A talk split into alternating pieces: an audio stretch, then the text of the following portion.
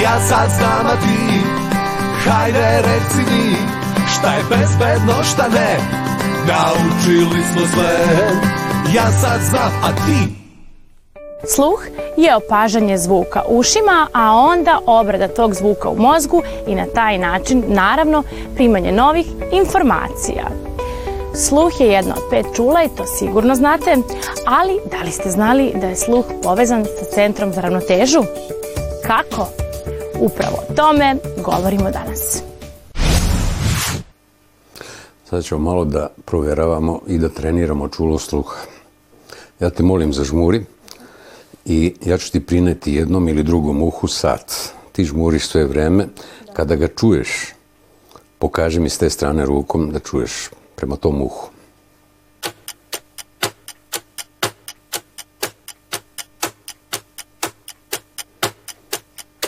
Dobro, sad ćemo da testiramo možda drugo uvo.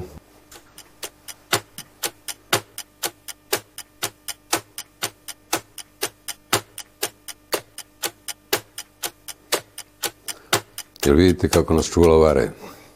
Kako naš mozak prepoznaje zvuk? Zvuk, to je u stvari na određen način vibracija i kretanje vazduha. On ima različitu frekvenciju i e, mi čujemo u jednom opsegu duboke i visoke tonove. Zašto neke životinje čuju ono što ljudi ne mogu da čuju? Interesantno je da neke životinje e, čuju daleko niže tonove, neke daleko više frekvencije i tonove. E, zbog toga, recimo, ako imate kuće, kada uključite visoke tonove na nekoj muzici, kuće počinje da bude nervozno i počinje da reaguje ili zapeva i zalaje i tako dalje. Njima smetaju te frekvencije, njima ne odgovaraju te frekvencije, kao što i nama ne odgovara nešto što je preglasno ili što je jako pištavo ili što bruje i plaši nas prosto. Kakva je veza između sluha i ravnoteže? U okviru čula sluha i čula ravnoteže koje je vrlo specifično i koje treba negovati i posebno vežbati jer se svakodnevno ispoljava. Da li ste primetili da recimo neki vozači kada sede i voze da se prosto kreću kao da voze motor u svim velikim zglobovima se nalaze, zovu se receptori. To su prijemnici za ravnotežu koji se takođe priključuju. Shvatite koliko je to složen sistem. I on kad vozi iz ramena, iz ruku, iz kukova, daje sebi maksimalne mogućnosti. Eto vam priča o ravnoteži. Svi vozite bicikli i trotinete. Nedavno je neka gluva devojka pobedila na muzičkom takmičenju. Kako je ona mogla da čuje muziku? E, jedno pitanje na koje ne umem baš dobro da odgovorim, siguran sam da bi e, o tome mogli više i bolje da kažu i fonijatri, e, otolozi, to su lekari koji se bave time, i muzički pedagozi i stručnjaci. Ali e, ako već znamo da nekada zvuk osjećamo i dodirom, da li ste primetili? Jeste naslonili nekada na zvučnik ruku i osjetili vibracije.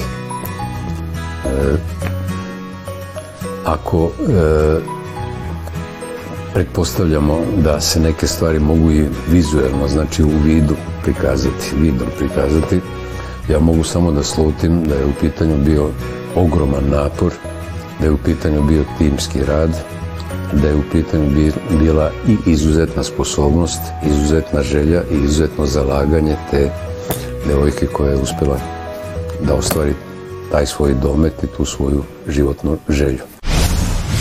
Ljudsko uho može razlikovati stotine hiljada različitih zvukova.